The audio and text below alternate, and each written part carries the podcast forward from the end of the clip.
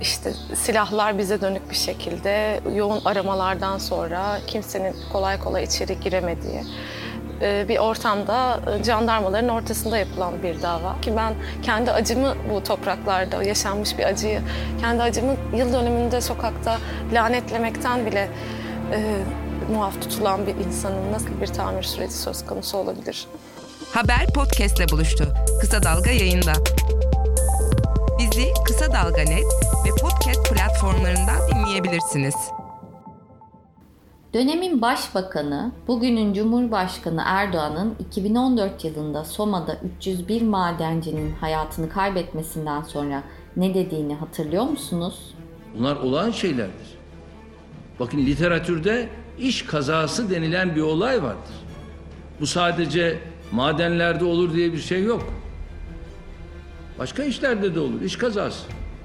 Peki 2006 yılında törende Sayın Başbakanım şehit cenazesi görmek istemiyoruz artık diyen kadına verdiği yanıtı hatırlıyor musunuz? Askerlik herhalde yan gelip yatma yeri değil. Peki 2012 yılında Uludere Roboski katliamı için söylediklerini hatırladınız mı? Kürtajı bir cinayet olarak görüyorum. Ve bu ifademe karşı çıkan bazı çevrelere, medya mensuplarına da sesleniyorum. Yatıyorsunuz, kalkıyorsunuz, ulu dere diyorsunuz. Her kürtaj bir ulu deredir diyorum. Her biri ayrı ayrı hafızalara kazınan bu açıklamalar aslında Türkiye'de ölümün sıradanlaştırılması, bir anlamda normalleştirmesi için kullanılan söylemler. Türkiye'de her zaman bazı ölüler daha değerliyken bazı ölüler görünmezdi. Türkiye'de her zaman katliamlar bir sır olarak kaldı. Kurtulanlar ya da katledilenlerin yakınları hiçbir zaman adalete ulaşamadı. Ama AK Parti döneminde ölümler ve katliamlar çok daha geniş kesimler için normalleştirildi ve siyasi literatüre sivil şehitlik kavramı girdi. Ben Kısa Dalga'dan Beril Eski. Bu podcast'te ölümlerin normalleştirilmesinin ve sivil şehitlik yaklaşımının adalet arayışını nasıl etkilediğini konuşacağız. Bizi Kısa Dalga Net ve podcast platformlarından dinleyebilirsiniz. Türkiye'de şehitlik tabii ki sadece askerleri kapsamıyordu. Daha önce de e, zaman zaman e, polisi de kapsayan mesela e, bir şey, şehadet kavramı vardı. Ancak AK Parti döneminden sonra e, giderek şehadetin sivilleştiğini, sivil ölümler için de şehadet kavramının kullanılır hale geldiğini görmeye başladık. Seattle Üniversitesi'nden öğretim görevlisi Onur Bakıner, Türkiye'deki sivil şehitlik kavramı üzerine özellikle kafa yormuş bir akademisyen. Aslında katliamların, işçi ölümlerinin, tren kazalarının ardından haberlerde işte ölenlere sivil şehitlik statüsü verilecek diye karşımıza çıkan, çok da üstüne düşünmediğimiz, üzerinde durmadığımız bir kavram. Fakat sivil şehitlik kavramının özellikle adalet arayışında önemli bir rolü var. E, AK Parti aslında şehadeti bir tür e, bölüştürme sisteminin de parçası haline getirdi. Bir başka deyişle e, akrabaları şiddet olaylarında, terör eylemlerinde ya da kazalarda ölen insanları e, şehit ailesi olarak ilan ederek onlara e, tazminat verdi ve böylece birincisi tabii onların adalet arayışının önünü tıkadı. E, ikincisi de bu insanları aslında bir şekilde devlete e, bağladı ya da devlete bağlı bir konuma getirdi. Aslında AK Parti'nin siyaseten zekice ve uyanıkça olan bu tutumu bir nevi insanları borçlandırmak gibi de görülebilir. Yani önünüze iki yol sunarlar. Ya katliam sonrası yürütme eliyle dağıtılan bu haklardan faydalanırsınız ve ömür boyu bu hakları korumak adına susarsınız. Yahut makbul bir vatandaş olmadığınızdan ya da olmayı tercih etmediğinizden bu dağıtıma uzak durduğunuzdan ya da uzak durmayı tercih ettiğinizden adalet arayışınızdan ötürü kriminalize edilirsiniz.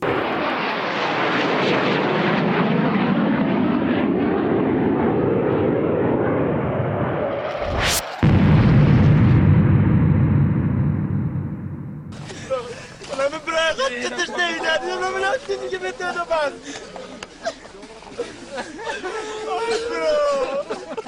Uludere'de örneğin başlarda sivil şehitlik statüsü konuşuldu. Yakınlarını kaybedenlere tazminatlar ödendi. Ancak aileler bu tazminatları kabul etmedi.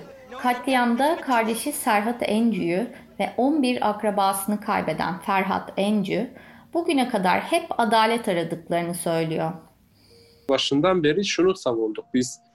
Burada bir katliam gerçekleşti. Katliam sorunlarının açığa çıkarılması, cezalandırılması gereken bir meseledir. Daha çok maddi boyutunun ötesinde hukuksal e, anlamda bu mağduriyetin gönderilmesi, ortadan kaldırılması gerektiğini e, söyledik. Ve sivil şehitlik verilmesi tartışmalarını samimiyetsiz bir yaklaşım, olayın üzerinin kapatılması olarak değerlendiriyor. Suçlunun kim olduğu belliydi. E, dolayısıyla bu suçu parayla örtmesi çok daha büyük bir suç, suçluğa neden oldu. Yani bu bir özür değildi. Sivil şehitliğin bilmesi tamamen o suçluluk psikolojisiyle nasıl meseleyi örtbas edebilirim ya da bu mücadelenin önünü nasıl kesebilirim, ya, yaşanan tepkinin nasıl en aza indirebilirim üzerinden bir politik politikaydı. Yaklaşım buydu. Ee, yoksa hani bir samimi bir özür değildi. Üstelik Uludereli, Roboskili ailelerin adalet arayışı zaman içinde kriminalize edilmeleriyle karşılık buluyor. Yani katliamdan sağ kurtulanlar hakkında sınır ihlalinden dava açılıyor. Dahası da var. Sonrasında da işte anma yerine giden yani 500. günde anma yerine giden aileler hakkında da yine sınırı ihlal ettikleri gerekçesiyle e, para cezası çarpı, çarpılmıştı. Şu anda e, böyle onlarca dosya var. E, hatta cezalandırmayla sonuçlanan dosyalar var o, o dönemde. Yani 34 insanı katleden, öldürenler cezasız kaldı. Fakat onu anan ya da onun mücadelesini verenler e, şu anda ya cezaevinde ya mahkeme sanımlarında sürünüyorlar. Bugün Uludere Roboski davası hiçbir sorumlu yargılanmadan kapanmış durumda. Üstelik Avrupa İnsan Hakları Mahkemesi'ne yapılan başvuru, gerekli belgelerin tanınan süre içerisinde gönderilmemesi sebebiyle kabul edilemez bulundu. Şimdi yeniden yargılama talebiyle başvuru yapıldı. Ayrıca Birleşmiş Milletler'e de bir başvuru yapılacak. Ama bir sonuç alınması zor görünüyor. Akademisyen Onur Bakıner, şehadet kavramı üzerinden katliamların siyasileşmesinin önüne geçildiğini söylüyor. E, bu anlamda şehadet kavramı aslında bir tür bölüştürme sistemi ya da dağıtma sistemi olarak da kullanılır hale geldi e, AK Parti Türkiye'sinde. E, tabii bunun bir diğer işlevi de muhalefeti tamamen devre dışı bırakmak, muhalefetin bu ölümleri sorgulamasının önüne geçmekte aslında. Son dönemde ne zaman devletin kastı ya da sorumluluğu olan bir ölümle karşılaşsak e, AK Parti işte bu ölümleri siyaset siyasileştirmeyelim, bu ölümü siyasetin içinde görmeyelim falan diyerek e, aslında muhalefetin son derece haklı eleştirilerinin önünü kapama yolunu seçti. E, şehadet kavramının bu kadar geniş kullanması da bunu bir bakıma ideolojik olarak meşrulaştırma amacı taşıyordu tabii ki. Ne zaman büyük bir kaza, katliam ya da saldırı yaşansa önce yayın yasağıyla kamuoyunun konu hakkında konuşması engelleniyor. Ardından hükümetin takdir ettiği bir bedel sunuluyor aslında. Tazminat, statü, devlette iş istihdamı, burs. Aileler kabul ederek konuyu bir anlamda devletin istediği şekilde siyasileştirmeden, muhalefet konusu olmasına izin vermeden ele almayı tercih edebiliyor. Ancak bu halde de mahkemelerden neredeyse hiçbir şey elde edemiyorlar. Sorumlular yargılanmıyor, yeni benzeri katliamların, ölümlerin önü açılıyor. Mesela 3 Temmuz'da Sakarya'da patlayan havai fişek fabrikasına bakalım. Patlamada eşini kaybeden ve kendisi de eskiden fabrikada çalışan Salih Çelik, fabrikanın daha önce defalarca patladığını, her patlama sonrası yeni bir isimle yine faaliyete geçtiğini söylüyor. Yetkililere neden incelemiyorsunuz diye isyan eden Çelik, onlar sefasını sürer biz bağıra bağıra ağlarız sadece sözleriyle aslında adalete hiçbir inancının kalmadığını da ifade ediyor. Nitekim Soma faciası ardından Erdoğan'ın kullandığı ifadeler gibi iş kazalarının ve işçi ölümlerinin normalleştirildiği, hatta hayatı tehdit altındaki işçilerin bile bunu normalleştirdiği görülüyor. Siyasilerden başlayan bu söylem medya üzerinden insanlara yayılıyor ve işin acı tarafı başarılı da oluyor. Ölümü normalleştiren, ölümü böyle kişinin fıtratında, kişinin cinsiyeti dolayısıyla ya da çalıştığı iş dolayısıyla zaten e, yaşamasının gayet normal ve mümkün olabileceği bir şey e, gibi anlatan bir söylem ortaya çıktı. E, belki eskiden de biraz normalleştirme vardı ama son 5-6 yılda 2014'ten beri bu ölümün normalleştirilmesi son derece üst düzeyde. Buna bağlı olarak ölümle ilgili alternatif söylemlerin önüne geçmek konusunda da bence devlet e, bayağı aşama kaydetti diyebiliriz. E, ne zaman ölümlü bir haber olsa ve devletin kastı ya da ihmali söz konusu olsa işte yayın yasakları geliyor. Bununla ilgili basında söylenebileceklerin önüne geçiliyor, muhalefet susturulmaya çalışılıyor ve bununla beraber hemen ölümü politikleştirmeyelim. İşte bu olan bitenler politik değildir, şu anda bir arada olmalıyız gibisinden bir söylemle e, alternatif söylemlerin ve tabii ki e, bilgi arayışının da önüne geçiliyor. Bu normalleştirmeye direnen belki de en önemli örnek kadın hareketi. Kadın ölümleri de işte kadının fıtratı, işte kıskançlık, aile gibi kavramlarla meşrulaştırılmaya çalışılsa da kadın hareketi ısrarla kadın cinayetleri politiktir diyor. Ve kadın cinayetlerini ısrarla siyasetin içinde ve bir muhalefet konusu olarak tutuyor. Kadın hareketi her bir kadın cinayetinde devlete sorumluluğunu hissettiriyor. Burada devreye giren en önemli şey belki de örgütlülük. Öğretim görevlisi Onur Bakıner'e göre zarar görenler ya da yakınları her zaman yeterince güçlü duramıyor, hükümetin örtbas çabasına karşı direnemiyor. E, tabii ki e, etraflarına çok fazla baskı hissediyor bu insanlar bir yandan da. E, eğer inat devletle inatlaşırlarsa başlarına fena işler gelebileceğini ya da işte e, ellerindeki minimum ekonomik kazanımları da kaybedebileceklerini düşündükleri için yani pek de aslında seçimleri olmadıkları için bunu kabullenmek zorunda kalıyorlar. Böylece özellikle devlet içindeki sorumlular bir anlamda yargı dokunulmazlığı kazanıyorlar. Genellikle bu sivil şehitlik üzerinden kaynakların dağıtılması olayda kastı ya da ihmali olanların özellikle de tabii ki bürokrasi içindekilerin ya da e, devlete görevli olanların kovuşturulmadan kurtulması sonucunu da doğuruyor. Yani hani bu açık açık belki böyle olmuyor ama genel olarak devletin mağdur aileleriyle sanki böyle bir zımni anlaşması var. Biz e, size para vereceğiz.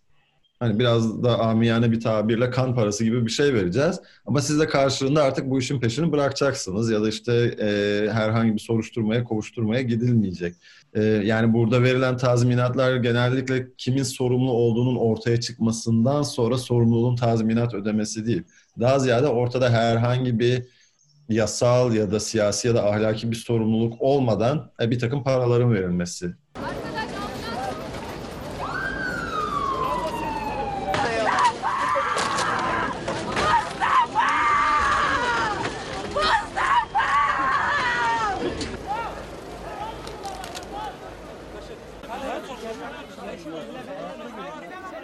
faciasında oğlu Uğur Çolak'ı kaybeden İsmail Çolak, basında çıkan sivil şehitlik haberlerine tepkili. Tek istediklerinin adalet olduğunu, maddi hiçbir talepleri olmadığını, üstelik kendilerine de böyle bir yardım yapılmadığını, yani çıkan haberlerin doğru olmadığını belirtiyor. Şimdi biz e, 301 kişinin için e, biz asla e, adil yargılanma ve suçların e, adil bir şekilde cezaları çekmesinden yana mücadele verdik. Asla bunun maddi yönüne asla bak tekrar altını çizeceğiz söylüyorum. Asla biz bu yolda yürümedik.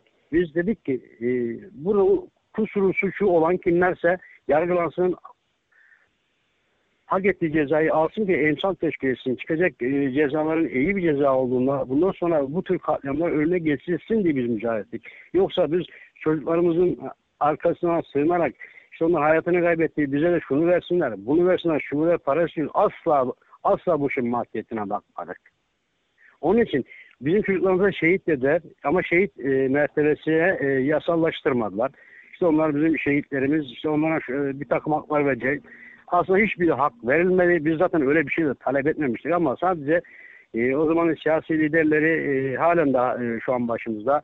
E, maden ocağının başında şunu söylediler. Zamanın Enerji Bakanı ve e, Başbakanı şu an Cumhurbaşkanımız oldu. E, burada e, bu olayda e, en küçüğünden en büyüğe suçlu kusurlu kimler varsa bunları adalete teslim edeceğiz, suçlarını çektireceğiz dediler. Ama tam tersini yaptılar. Suçlu, kusurlu ve e, burada e, bu olaylarda e, sorumlu olan insanları özellikle özel, üzerine basarak söylüyorum. E, Türkiye Enerji Bakanlığı'na bağlı e, devlet denetleş, denetleme müfettişlerinin bu ocağı biliyorsunuz e, takip etmişsinizdir. E, Türkiye'nin en güvenilir, en sağlam ocağı raporu verildi. Ve bu raporun çok geçmeden üzerinden 301 kişiye mezar oldu ocak. Biz bu e, ocağa bu raporu veren müfettişlerin de yargılanmasını talep etmiştik. Ama maalesef Enerji Bakanlığı sen dedi bir benim bürokrasimi yargılayamazsın diye maalesef önünü kapadılar. Korumaya aldılar. 50 sanıkla görülen Soma maden kazası davasındaki 4 tutukludan ikisi korona sürecinde çıkarılan infaz yasasıyla tahliye edildi. Diğer iki kişinin ise sene sonunda tahliye edilmesi bekleniyor. Soma davası da yetersiz cezalarla ve devlet içindeki hiçbir sorumlu yargılanmaksızın biteceğe benziyor. Oğlunu kaybeden İsmail Çolak ise bu süreçten ötürü öfkeli. Verdikleri sözlerini hiçbirini tutmadılar. Biz onlardan e, yetkililerden ne şirketten ne devletten asla maddi olarak hiçbir destek istemedik. Evet verdiler. Ne verdiler? Cenaze masrafı adı altında kaymakamlık tarafından 430 lira para verdiler. Onun haricinde devlet kanalından bir kuruş yardım gelmemiştir ailelere. Ben orada 26 yaşında evlatımı kaybettim. İşin maddiyatında değiliz. Biz adil yargılama olsun ki Türkiye'de artık e, bu tür işçi katliamları toplu toplu olmasın. Bunun için mücadele ettik. Biz devlete bir şey kaybetmedik ki bize bir şey versinler. Ona verdiği sözü tutmadılar ki. Biz ne isteyelim onlardan? Haber podcastle buluştu. Kısa Dalga yayında. Bizi Kısa Dalga Net ve podcast platformlarından dinleyebilirsiniz.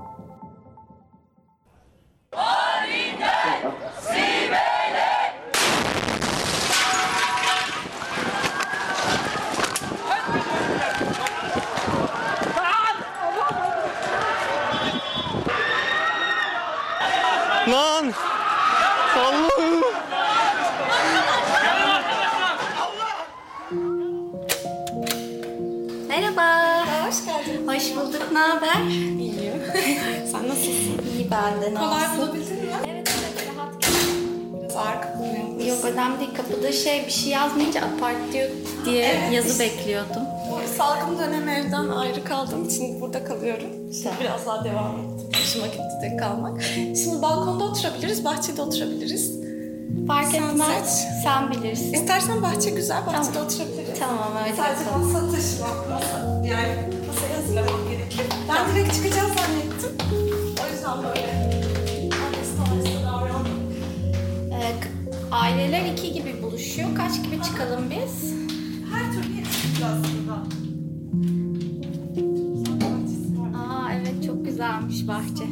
Dur bir dakika yardım edeyim sana. Çağla Seven, Suruç katliamının sembolü olan o fotoğrafta yer alıyordu. Hatırlayalım.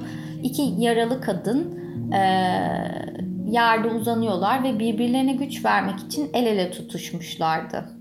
Bu 20 Temmuz 2015'te Şanlıurfa Suruç Amara Kültür Merkezi'nde Kobaniye, oyuncak, çocuk bezi gibi malzeme götürmek üzere toplananların uğradığı saldırının arkasından sembol hale gelen fotoğraftı. Saldırı IŞİD bağlantılı canlı bomba Abdurrahman Alagöz tarafından yapılmıştı. Saldırıda 33 kişi hayatını kaybetti, yüzden fazla kişi yaralandı. Çağla Seven çok ağır yaralanmasına rağmen vücudundan çıkan 100 bilyeye rağmen o katliamdan kurtulmayı başardı. Çok ciddi bir yaralanma oldu benim için. Yani uzun süre hastaneye yoğun bakım süreci, tekrarlayan ameliyatlar ve halen devam eden bir tedavi süreci ama asla eskisi gibi olamayacak bir e, sağlık durumu mevcut. E, karnımdan, bacaklarımdan, kolumdan yaralanmıştım. E, bağırsaklarımın bir kısmı alındı, uzun süre bağırsaklarım dışarıdaydı. E, bacağım kesilme sürecinden döndü ama kaslarımın çoğunu kaybettim. Ee, bir ortezle yürümem gerekiyor. Hmm, Dizlerimde böyle fleksiyon dediğimiz bu e, kısıtlık, kısıtlılıklar var. Çok zorlanıyorum, ağrılar çekiyorum sinir hasarı da olduğu için. E, bu süreç böyle devam ediyor. Yani ne yeni duruma tam alışmış diyemem. Çünkü şöyle bir şey var. Yani bir hastalığın bile bir süreci oluyor ve insan belli şeylere e, hazırlanıyor. Oysa ki ben hani sapasağlamken bir saniyede bu noktaya geldim ve hani hiçbir şekilde nedeni, bağlantıları açıklanamamış, hiçbir şekilde hesabı sorulamamış bir durumdan söz ediyoruz. Çok büyük bir haksızlığa uğramışlık hissi yaratıyor. O yüzden bu yaralanmanın psikiyatrik etkisi de çok ciddi boyutta ilerliyor. Özellikle benim açımdan.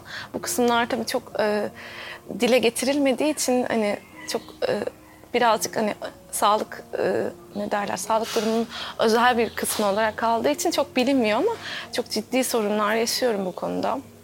Hastane yatışlarım oldu bu nedenle.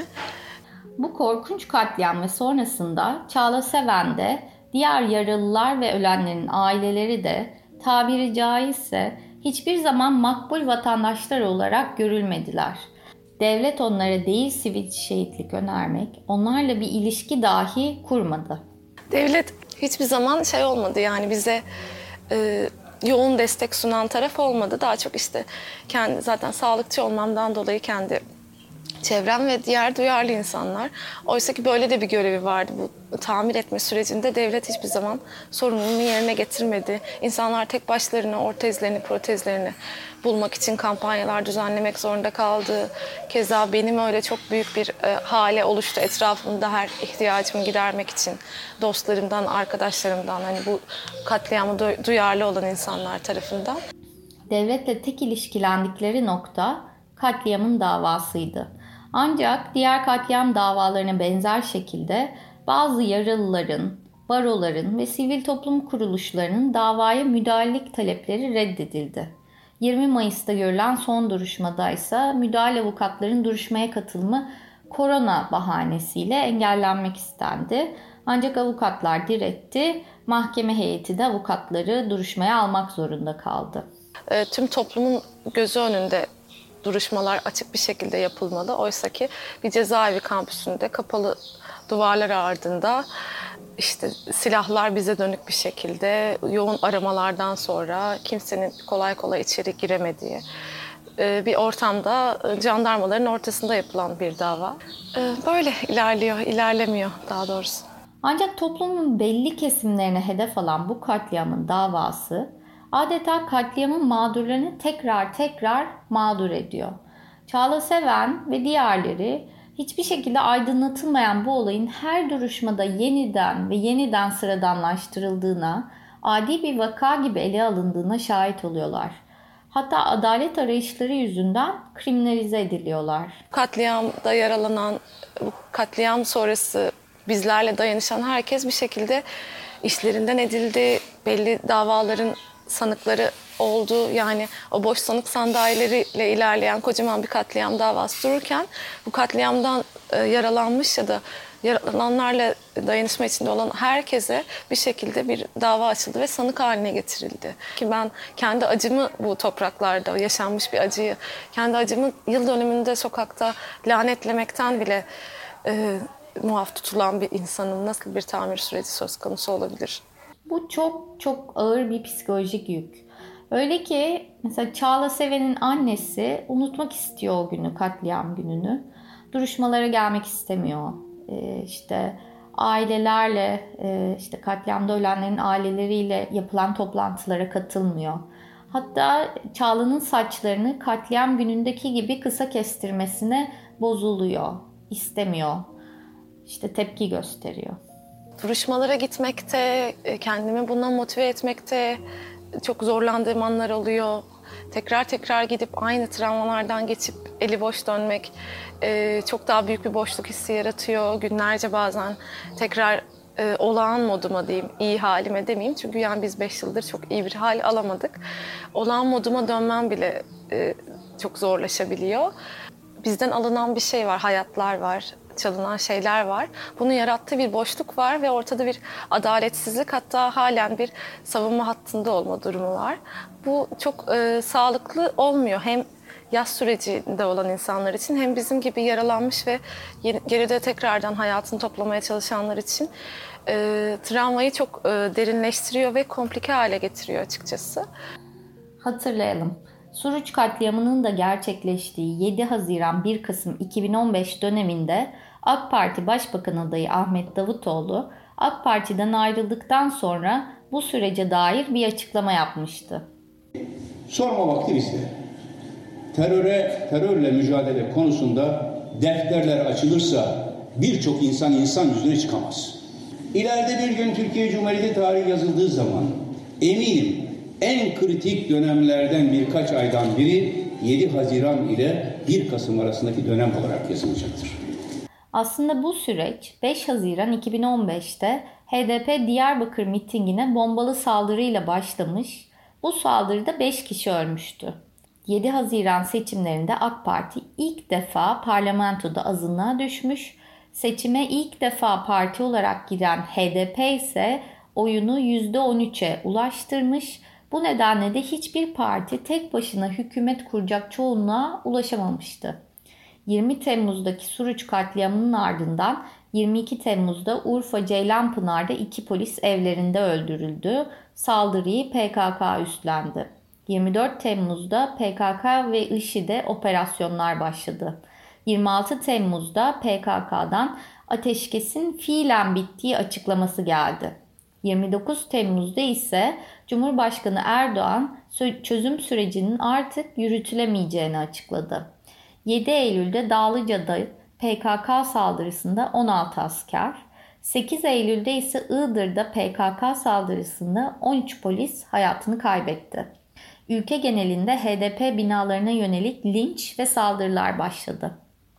10 Ekim Ankara Garı'ndaki barış mitingine IŞİD'le bağlantılı iki canlı bombayla saldırı düzenlendi. Türkiye tarihinin en kanlı bombalı saldırısında 103 kişi yaşamını yitirdi, yüzlerce kişi yaralandı. Koalisyon hükümeti kurulamadı. 1 Kasım'da yinelenen seçimlerde AK Parti %49 oyla tek başına iktidar oldu. Ancak bugün medyaya katliamdan kurtulanlara ya da yakınlarına yapılan baskılarla yüzlerce insanın öldüğü bu kanlı dönem kamuoyuna unutturuluyor ya da diğer bir deyişle unutturulmaya çalışılıyor. Yaşananların toplumsallaşması istenmiyor. Mahkemeler adil yargılama yapmıyor. En alt seviyedeki sorumluları yargılayarak süreci geçiştiriyorlar. Geride kalan tek şey belki de insanların ve toplumun hafızası oluyor.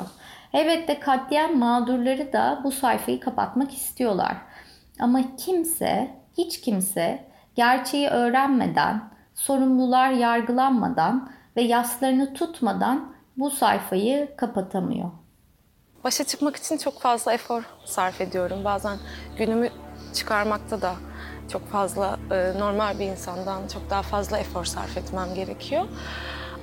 Ama hani bir başa çıkmanın bir yolu da gerçekten işte e, gitmekse o duruşmaya gitmek, sözünü söylemek, tarihe bir, yani bunun bir tanığı olarak sessiz kalmamak, çokça anlatmak, e, bütün fırsatlarda yaşananları tekrar etmek. Çünkü o kadar görünmez kılınıyor ki bu, bu tür eylemlerde yaralananlar, ölenler ve onların sonraki süreçte yaşadıkları e, acıların bile bir hiyerarşisi var ya Türkiye'de.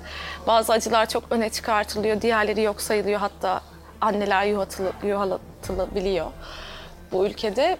E, aileler de her gün işte her perşembe e, çocukların mezarlarını ziyaret ediyorlar bireysel olarak. E, yani hala o katliamın e, acısını devam ediyorlar o aileler. Hatta şöyle de konuşayım, ifade edeyim. hala anneler üzerinde siyah elbiseler maalesef giyinmeye devam ediyor etmektedir. Yani kimi aileler düğün yap, yapmıyor açıkçası. E, halay çekmiyor, böyle bir eğlenceli bir e, şeye, etkinliğe katılmıyorlar. E, o yaşanan katliamdan kaynaklı. Soma kaylarına terk edilmiş. O e, ölüm şehri halen aynı e, geldiyseniz e, o, o vaziyeti halen daha andırıyor. e, sokakta e, bir siren sesi duyduğumuzda tüylerimiz diken diken oluyor. Yine mi madende bir şey var? Yani e, bu korku bize e, yaşadığımız sürece bu korkudan kurtulamayacağız. E, bir anons geldiğinde inan ki çok korkuyoruz. Çünkü bu Soma'da o katliamda binlerce ambulans tren seslerinden e, hayatını kaybeden madencilerin sela seslerinden birbirine karıştı. Kamyonlarla, tırlarla tapu taşıdılar. Biz savaştan mı çıktık? Bizi Kısa Dalga Net ve podcast platformlarından dinleyebilirsiniz.